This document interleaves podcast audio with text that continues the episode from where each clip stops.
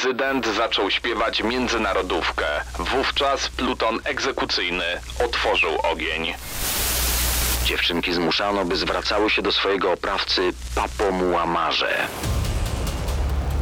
Płatni zabójcy, seryjni mordercy i sceny zbrodni w RMFFM. Nie wiem, o której wyjechaliście, zwinęliście namiot, opuściliście domek, ale pewnie w planach było już o tej porze być w domu. A tu proszę, jeszcze kawałek trasy przed wami chciałem powiedzieć, ale przed nami, bo przecież my też wsiedliśmy do tych samochodów. I mam nadzieję, że ta trasa będzie teraz szybciej mijać, bo się dosiądziemy z bardzo ciekawymi i jak to zwykle w scenach zbrodni mrocznymi historiami. Dzisiejszy temat to śmierć dyktatora. Opowiemy m.in. o najdłużej rządzącym dyktatorze w Afryce i chyba najbardziej zdeprawowanym z tych wszystkich dyktatorów, Muammar Kaddafi, dyktator Libii. Ale zaczniemy od Rumunii. Historia niezwykłej kariery politycznej, brutalnych rządów dyktatorskich i w końcu śmierci w pogardzie Nicolae i Eleny Czałczesku. W przypadku tej pary mówi się o kluczowych sześciu godzinach w tak krótkim czasie. Z ludzi najpotężniejszych w Rumunii małżeństwo stojące przez dekady na jej czele zmieniło się w parę wystraszonych staruszków, zalęknionych, słabych, opuszczonych przez popleczników, zdradzonych przez tak zwanych przyjaciół. Błyskawiczny proces i jeszcze szybsze wykonanie kary śmierci. Koniecznie zostańcie z nami. Tu wakacyjny cykl sceny zbrodni, czyli zbrodnia i polityka. Obiecaliśmy historię jednego z ostatnich komunistycznych dyktatorów Europy. Jedyny z przywódców tzw. Tak bloku wschodniego, który został skazany na śmierć. Nicolae Czałczesku urodził się w 1918 roku. Jak tylko stał się pełnoletni, zapisał się do Komunistycznej Partii Rumunii i piął się po szczeblach partyjnej kariery. Tak w skrócie, od 1954 roku działał w Komitecie Centralnym, a w końcu w biurze politycznym KC. W 1965 otrzymał stanowisko sekretarza generalnego Rumuńskiej Partii Komunistycznej, czyli faktycznie stał na czele państwa. Inspirował się kultem jednostki w Chinach i Korei Północnej i metodami sprawdzonymi w tych państwach zapoczątkował kult jednostki u siebie w kraju. Jego portrety wisiały w niemal każdym budynku, jego płomienne przemówienia trwały nawet po 5 godzin. Do tego pomniki. No, no faktycznie część społeczeństwa uważała go za najważniejszą osobę na świecie i praktycznie go czciła. Nazywano go kondukator. Wprowadził też niestety rządy terroru, inwigilacja społeczeństwa, czemu służyło rozbudowanie tajnej policji, czyli Securitate. Standardem stały się podsłuchy, donosy, anonimy, znikanie ludzi podejrzanych o inne poglądy polityczne. Jako przykład podam, że trzeba było mieć zgodę na maszynę do pisania. Zresztą coś podobnego mieliśmy przez pewien okres w Polsce. Każda maszyna była przebadana, by po czcionce z niej można było poznać, kto napisał dany tekst, jeśli treść nie spodobała się służbom specjalnym i cenzurze. Podobnie było z próbkami pisma odręcznego obywateli. Każdy musiał takie dostarczyć na wypadek, gdyby nie na maszynie, a odręcznie chciał szkalować system komunistyczny. No właśnie, Czałczesku wysławiał komunizm, a jednocześnie dość odważnie odcinał się od Związku Radzieckiego. Kreował się na przywódcę niezależnego od Rosji, w co nawet uwierzyli Amerykanie. Kraje Zachodu udzielały mu dolarowych pożyczek na rozwój kraju. Problemy zaczęły się w 1982 roku, trochę za sprawą wydarzeń w PRL-u. Czałczesku, podobnie jak Edward Gierek, bardzo zadłużył kraj za granicą. Dobrobyt był na kredyt i konsekwencje tego, co wydarzyło się w Polsce, tak wystraszyły dyktatora Rumunii, że postanowił spłacić zadłużenie zagraniczne 11 miliardów dolarów plus odsetki. W kraju stawianym za wzór socjalistycznego dobrobytu nagle zaczęło wszystkiego brakować. W zimie 85 roku to już był szczyt. Średnia temperatura ogrzewania w blokach wynosiła 12 stopni. Brakowało surowców, więc i fabryki pracowały na ledwie połowę mocy przerobowych. Wszelkie bunty likwidowały brutalne służby, wspomniane Securitate. Tysiące ludzi trafiały do więzienia, krwawe przesłuchania i tortury, ale niezadowolenie głodującego narodu rosło. No i jak w przypadku naszego kraju, przełomowy okazał się rok 89. W Polsce pierwsze częściowo wolne wybory. Upadają rządy kolejnych demoludów. Czałczesku apeluje do tzw. Tak państw komunistycznych o wsparcie jego rządów, ale zagranica milczy ma swoje problemy i pożary polityczne do ugaszenia. Partia komunistyczna no, w kolejnych krajach właściwie bez walki oddaje władzę. Czałczesku wybrał się więc osobiście na Kreml, żądając od Rosji interwencji w Europie Środkowej, ale odpowiedź Michaiła Gorbaczowa to była, jak twierdzą świadkowie, kpina z oczekiwań kondukatora. I gdy reżim komunistyczny ostał się już jedynie w Albanii i właśnie Rumunii, również naród rumuński zrozumiał, że czas na zmiany, społeczeństwo wykipiało z oburzenia, protesty wylały się na ulice. To zwiastowało koniec dyktatury Czałczesku. Czas powiedzieć o ostatnich godzinach sprawowania przez Czałczesku władzy dyktatorskiej w Rumunii. To był czwartek, 22 grudnia 1989 roku. Od kilku dni trwał bunt ludności, nad którym milicja i sekuritate już nie panowały. Czałczesku wydał rozkaz strzelać do każdej osoby, która zdecyduje się stawiać opór. Poprzedniej nocy zginęło 49 osób, pół tysiąca zostało rannych. W konsekwencji odpowiedzialny za to minister obrony Milea zastrzelił się w swoim gabinecie. Po tym w siedzibie budynku Komitetu Centralnego odbyło się nagłe posiedzenie władz partyjnych. Nikolae Czałczesku poinformował towarzyszy, że minister Milea zdradził ich, dopuścił do rewolucji na ulicach stolicy, po czym po prostu popełnił sobie samobójstwo. Czałczesku rozkazał, by tego dnia w Bukareszcie zorganizować wiece poparcia dla jego rządów. Mieli być przewiezieni robotnicy z zakładów pracy, trochę oklasków, jakieś przemówienia, taka szopka. Zamiast tego dowiedział się, że utracono kontrolę nad zakładami i właśnie ci robotnicy sami zorganizowali się przeciwko rządzącym. O 10 telewizja ogłosiła wprowadzenie stanu wyjątkowego w Rumunii. O 11.30 Nikolae Czałczesku wraz z małżonką i najwierniejszymi działaczami wyszedł na balkon budynku Komitetu Centralnego. Chciał przemawiać do tłumów y, na placu i do kamer, które filmowały jego ostatnie, jak się okazało, przemówienie. Miał na placu swoich ludzi, którzy przywitali go oklaskami, ale tego się nie spodziewał. Tłum liczący aż 100 tysięcy osób zaczął spontanicznie buczeć i gwizdać, i te odgłosy niezadowolenia narastały. Czałczesku, zdumiony, zaczął ich uciszać. Pukał w mikrofon i wołał nerwowo: Towarzysze, towarzysze, uspokójcie się. Jego żona Elena, stojąca obok niego, krzyczała dosadniej: Spokój, spokój, spokój. W końcu dyktator doszedł do głosu. Zaczął obiecywać podwyżki pensji, dodatki na dzieci, dodatkowe emerytury, ale tłum się nie dał już tymi obietnicami ogłupić. Okrzyki narastały. Kamery telewizyjne jeszcze raz pokazały zupełnie zaskoczoną i bezradną minę na twarzy dyktatora. Transmisję telewizyjną w tym czasie przerwano. Małżeństwo Czałczesku zeszło z balkonu. Mieli być ewakuowani tajnym tunelem, ale obawiano się, że nie zdążą zejść na parter, bo ten stutysięczny tłum zaczął napierać na drzwi gmachu KC. Zmieniono plany i poprowadzono ich do windy. Mieli nią dostać się na najwyższy taras, skąd mieli być ewakuowani śmigłowcem. Wezwano dwie maszyny, ale miejsca było na tyle, że tylko jedna wylądowała na tarasie. Jednak Czałczesku się nie pojawili. Okazało się, że wyjście z windy na najwyższym piętrze było zablokowane. Żołnierze kolbami wyważali drzwi.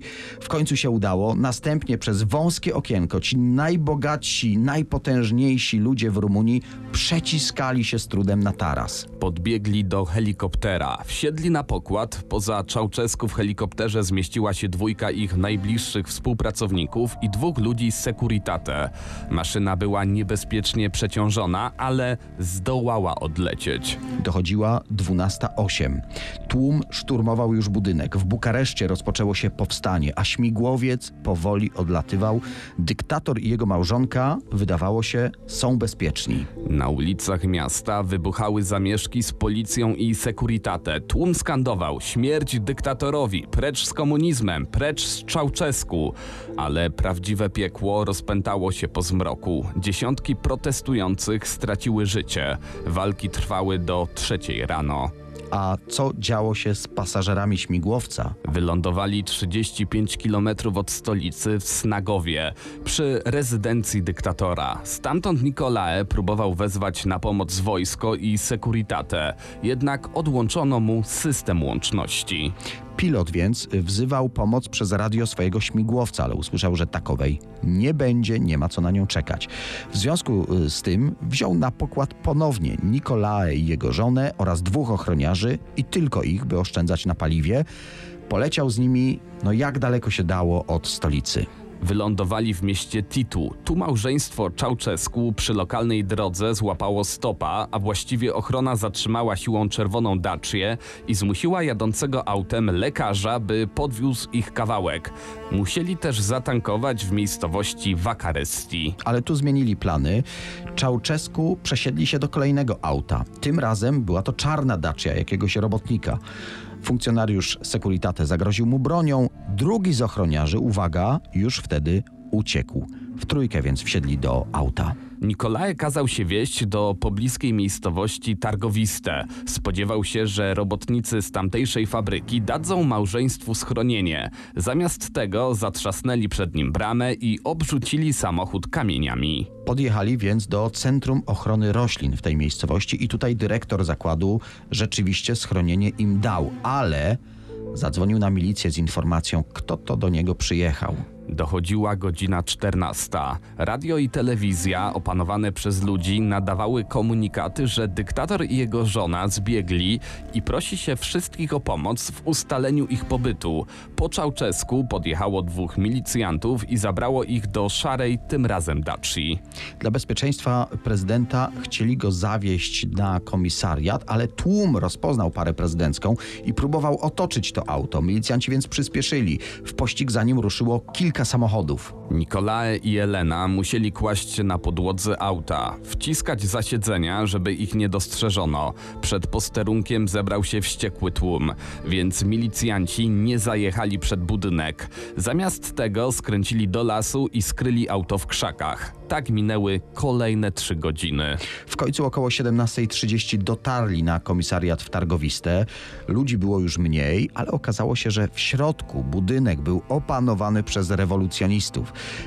Pojmali parę prezydencką i zaczęli oskarżać o masakrę m.in. w Timisoarze, y, zarzucać prezydentowi winę za nędzę w całej Rumunii. Czałczesku z przekonaniem bronił się, twierdząc, że przecież tak wiele poświęcił dla tego narodu. O 18 na komisariacie zjawiło się wojsko i przejęło małżeństwo Czałczesku. Białym terenowym samochodem Aro dotarli do Koszar. Była 18.30. Nikolae sądził, że w jednostce wojskowej są wreszcie bezpieczni.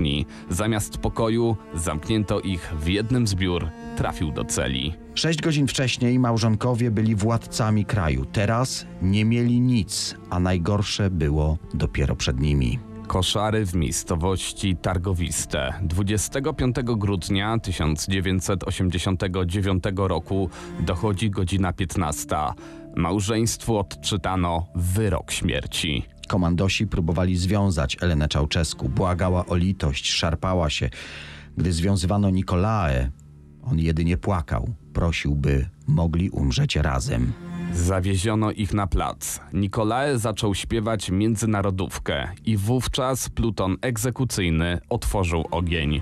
Upadając, podobno prezydent zdołał jeszcze krzyknąć: Niech żyje wolna i demokratyczna, socjalistyczna Republika Rumunii. Wakacyjny cykl Zbrodnia i Polityka. Czas na historię Muamara al-Kaddafiego. Urodził się 13 września 1942 roku w niewielkim plemieniu berberyjskim Al-Kadadifa. Uważali się za potomków Mahometa. Oczywiście data jest przyjęta umownie. Musimy tutaj zaznaczyć, że plemię nie zaprzątało sobie głowy jakimiś aktami urodzenia. Zresztą większość współplemieńców Kaddafiego nie potrafiła pisać. Przyjmuje się, że urodził się gdzieś pomiędzy rokiem 39 a 43. Tato Mohammad Abdul Salam bin Hamed bin Mohammad był Beduinem, hodowcą wielbłądów. Mama miała na imię Aisha. Miał trzy starsze siostry i jako jedyny syn wraz z tatą no głównie doglądał wielbłądów i medytował na pustyni. Później ukończył sześć klas podstawówki, dostał się do liceum, nawet na studia, ale przerwał je dla kariery wojskowej. To może przewijmy teraz do roku 1969. Król Libii wyjechał na wakacje w podróż do Turcji i Grecji. W tym czasie Kaddafi stanął na czele puczu, który przeszedł właściwie bezkrwawo. Wojskowi przejęli władzę, stworzyli Radę Rewolucyjną, której przewodniczącym został Kaddafi i uzyskał z automatu stopień pułkownika i zwierzchnictwo nad całą armią. Powtórzmy rok 1969, a jego władza skończyła się po 42 latach krwawą wojną domową, najdłużej sprawujący władzę dyktator w Afryce. To były cztery dekady terroru. Jego ludzie terroryzowali zwykłych Libijczyków. Każdy właściwie mógł być posądzony o sprzyjanie opozycji, a za to, nieważne czy było to prawdziwe oskarżenie, groziło wieloletnie więzienie, a nawet śmierć, jako zdrajca narodu. A jako, że w trakcie przesłuchań stosowano tortury, nawet niewinni się przyznawali. Taki los spotkał kilkadziesiąt tysięcy Libijczyków. W roku 1984 jedna z egzekucji wrogów państwa była transmitowana przez publiczną telewizję. Mężczyzna, który zawisł na szubienicy, nie umarł od razu. Konwulsyjnie podrygiwał na duszącym go sznurze. Podeszła do niego wtedy Huda Ben Amer, kobieta zwana już wtedy w prowincji Bengazji Katem, bo niezwykle brutalnie rządziła w imieniu Kaddafiego. Na oczach kamer, wyobraźcie sobie, podeszła do tego konającego na sznurze mężczyzny i pociągnęła go za nogi, by szybciej umarł. Po tym wpadła w oko Kaddafiemu i została jego kochanką. Ba, urodziła mu później także córkę. O kobietach Kaddafiego opowiemy po 22, bo to niestety osobny, duży i trudny rozdział z cyklu Zbrodnia i Polityka. Kaddafi rządził, pamiętajmy, w państwie plemiennym. Idealnie podburzał jedne plemiona przeciwko drugim albo narzucał małżeństwa między plemionami, także dochodziło do nowych sojuszy. Uzależniał też plemiona od wpływów z przemysłu energetycznego i bogactw naturalnych. I to działało. Wielu było niezadowolonych, ale panował względny spokój. Gdy jednak w 2011 roku rozruchy zaczęły się po sąsiedzku w Tunezji i Egipcie, ruszyła się też Libia. Protesty ludności libijskiej rozpoczęły się 14 stycznia 2011 roku. Były inspirowane przez elity. No, liczono na to, że instytucje i armie naciskać będą na Kaddafiego i ten będzie musiał oddać władzę. Zamiast tego wyobraźcie sobie, urzędy i armia po prostu się rozpadły. Demonstracje zaczęły się na wschodzie kraju, w miejscowości Bengazi i Darna. Rząd uginał się, obniżył podatki, obniżył cła na towary z zagranicy, jednak tego pożaru już nie udało się ugasić. 17 lutego ogłoszono Dzień Gniewu. Ludzie demonstrowali we wszystkich większych miejscowościach Libii. Cztery dni zaostrzenia protestów doprowadziły do ogromnej tragedii. 21 lutego w Trypolisie doszło do masakry, zginęło mnóstwo ludzi. W tym dniu rebelianci zajęli Bengazi. Były minister sprawiedliwości Kaddafiego przejął władzę, powołał Narodową Armię Wyzwoleńczą i gdy luty mijał, sprawowali władzę nad większą częścią kraju. Wtedy Kaddafi ruszył z kontrofensywą i odbijał miasto po mieście. Znowu krwawo rozprawiał się z buntownikami i praktycznie odzyskał kontrolę nad większością regionów, ale wtedy oficjalnie, by zapobiec masakrom, ONZ wkracza do gry. Wydano rezolucję upoważniającą państwa członkowskie do korzystania z wszelkich możliwych środków, by chronić cywilów.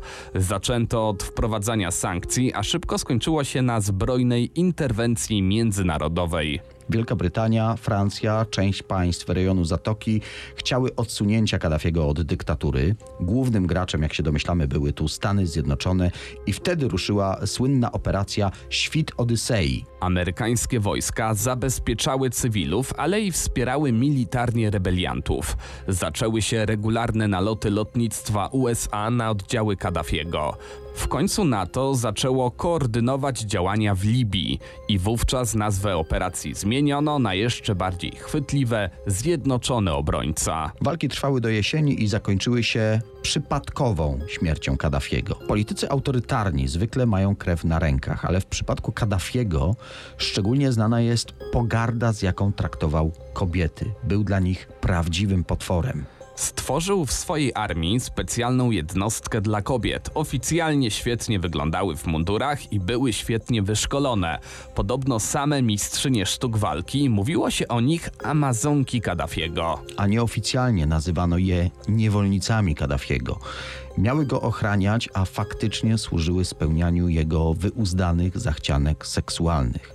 I robiły to wbrew swojej woli. Ale zaczęło się znacznie wcześniej, zaraz po przejęciu władzy w Libii. Gdy pułkownik Kaddafi jako głowa państwa wizytował szkoły, zwykle upatrywał sobie jedną z dziewczynek. W jego żargonie i jego najbliższych współpracowników pojawiało się hasło magiczny dotyk. Pułkownik kładł przy wszystkich ręce na jej głowie, głaskał ją czule jak na ojca narodu przystało. Jednak dla jego otoczenia to był znak. Zazwyczaj na drugi dzień ta dziewczynka, 14-16-letnia, znikała. Z zeznań poszkodowanych dziewczynek, e, późniejszych oczywiście, wynika, że przyjeżdżali po nie ochroniarze, brutalnie chwytali i prowadzili do terenowego samochodu. Dziewczyny przestraszone trafiały do twierdzy Kaddafiego w Trypolisie. Kobiety z otoczenia dyktatora wiedziały co robić. To już była pewnego rodzaju rutyna. Goliły dziewczynki i robiono im makijaż, który podobał się Kaddafiemu. Ubierano je wyzywająco. Już po tych zabiegach spodziewały się jaki los je czeka. Dziewczyny nie od razu trafiały do sypialni Kaddafiego. Najpierw obowiązkowe badanie krwi. Sprawdzano, czy nie są nosicielkami jakichś chorób. Pałacowa plotka mówiła, że Kaddafi obsesyjnie obawia się złapania choroby wenerycznej. Jeśli przeszły wszystkie testy, wstrzykiwano im środek antykoncepcyjny. Dyktator nie chciał mieć przypadkowych dzieci. Po tych zabiegach dziewczynę zamykano w pokoju Kaddafiego. Gdy jakaś się opierała, Kaddafi bił ją, by złamać jej opór. Gdy mimo to się nie poddawała, dyktator rezygnował, ale tylko do następnej nocy. Wówczas znów pięściami łamał jej opór. No i kończyło się zawsze tak samo. Gwałcił. Często włączał też głośną muzykę, takie arabskie disco, miał swoją ulubioną piosenkę i kazał dziewczynom do tego tańczyć w wyzywający sposób i zrzucać część garderoby. Dziewczynki zmuszano, by zwracały się do swojego oprawcy Papo Muammarze. Przez okres reżimu, czyli przez 42 lata, Kaddafi setki dziewczynek potraktował właśnie w taki sposób, choć mówi się, że zgwałconych mogły być tysiące. Najmłodsze miały zaledwie 12 lat. Po czymś takim dziewczyny nie miały dokąd wracać. W Libii tradycja muzułmańska każe rodzinie zgwałconej dziewczyny opłakać ją i się jej wyrzec. Z piętnem ladacznicy nie ma prawa mieszkać z rodziną pod jednym dachem. Wiele z tych dziewczynek zostało w jego haremie. Godziły się na gwałty, nie mając po prostu innego wyjścia. Część kobiet była trzymana jako seksualne niewolnice, pilnowane dnie i noce. Te, które uciekły, tropiono. Znana jest sprawa, gdy ściągnięto do Libii kilka kobiet, które z pałacu Kaddafiego uciekły do Turcji. Porwano je stamtąd, sprowadzono do Trypolisu, tu publicznie ogolono im głowy, ogłoszono je prostytutkami, a następnie zostały stracone. Gdy mimo środków ostrożności któraś z niewolnic Kaddafiego zaszła z nim w ciążę, wysyłano ją do tajnej kliniki na Malcie, gdzie dokonywano aborcji. Mówiliśmy o polowaniach w szkole, ale właściwie żadna kobieta z otoczenia Kaddafiego nie mogła czuć się bezpieczna. Potrafił gwałcić żony swoich oficerów. Bywało, że upatrzył sobie jakąś kobietę przechodzącą ulicą lub na jakimś pokazie mody, przyjęciu. No, dla niego nie było granic. Kaddafi wysyłał także swoich agentów z kamerami na wesela zwykłych ludzi. Dyktator uznał, że na weselu kobieta ubiera się najlepiej jak potrafi. Później z nagrań wybierał swoje ofiary. Zdarzało się, że wskazywał na pannę młodą. Gdy któryś z mężów czy ojców jego ofiar skarżył się czy buntował, zazwyczaj znikał w niewyjaśnionych okolicznościach. Głośny jest przypadek, gdy wykorzystał żony swoich strażników. Dwaj się zgadali i postanowili w akcie zemsty zamordować Kaddafiego. Jednak plany ich wyszły na jaw. Dyktator kazał przywiązać ich za ręce i nogi do haków dwóch pojazdów wojskowych. Samochody ruszyły w przeciwnych kierunkach, rozrywając tych żołnierzy. Oficjalnie Kaddafi głosił wyzwolenie Libijek. Wiele kobiet angażowało się w organizacje walczące o zrównanie praw kobiet i mężczyzn. Zdarzało się też, że te aktywistki zapraszał do siebie. Spotykał je oczywiście los, o którym wspominaliśmy wcześniej. Szczególną słabość Kaddafi miał do pierwszych dam, czyli żon innych afrykańskich prezydentów lub premierów. Jeśli jakaś wpadła mu w oko, zapraszał jej męża do siebie na oficjalną wizytę pod byle pretekstem, a celem była faktycznie pierwsza dama. Aparat państwa angażował się, by zebrać na nią dowody, brudy do szantażu. Wobec takich argumentów wiele godziło się na romans. Podobnie traktował gwiazdy kina czy muzyki. Kaddafi potrafił być też nadzwyczaj hojny. Miał podobno specjalny pokój z prezentami dla kochanek. Czekały na nie od brylantowych kolczyków po walizki pieniędzy. Nie było dla niego ceny, której by nie zapłacił za seks z kobietą, którą sobie upatrzył. Plotki mówią, że i mężczyźni z jego otoczenia byli przez niego gwałceni i dotyczyło to nawet ministrów czy generałów. W ten sposób chciał ich zdominować, podporządkować sobie.